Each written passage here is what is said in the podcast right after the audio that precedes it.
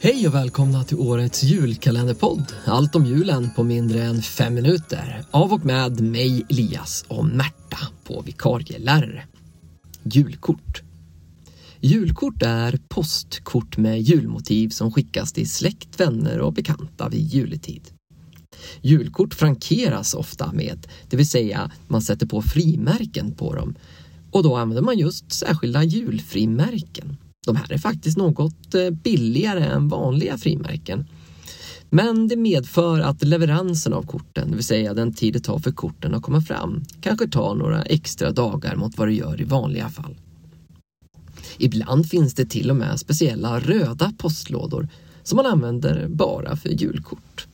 I Sverige börjar man skicka julkort i slutet av 1800-talet. Både idén med att man skulle skicka julkort och själva korten kom till Sverige från Danmark och Tyskland. På den tiden var det vanligt att det stod fridefull jul, fröjdefull jul och glad jul på korten.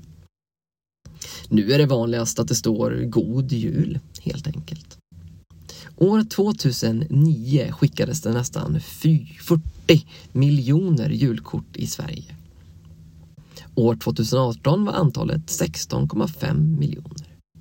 Det blev som sagt populärt att skicka julkort i Sverige i slutet av 1800-talet och traditionen är fortfarande mycket populär.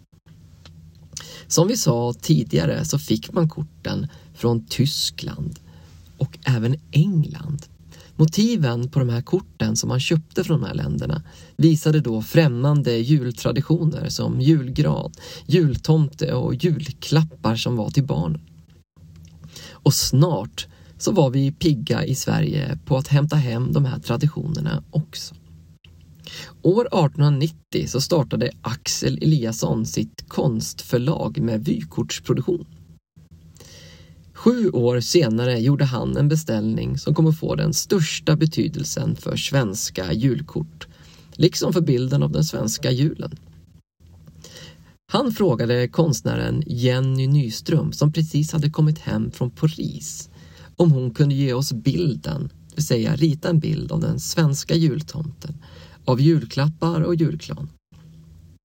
Med tiden så blev det kring 600 julkortsmotiv som ritades av Jenny Nyström och som är mycket populära än idag.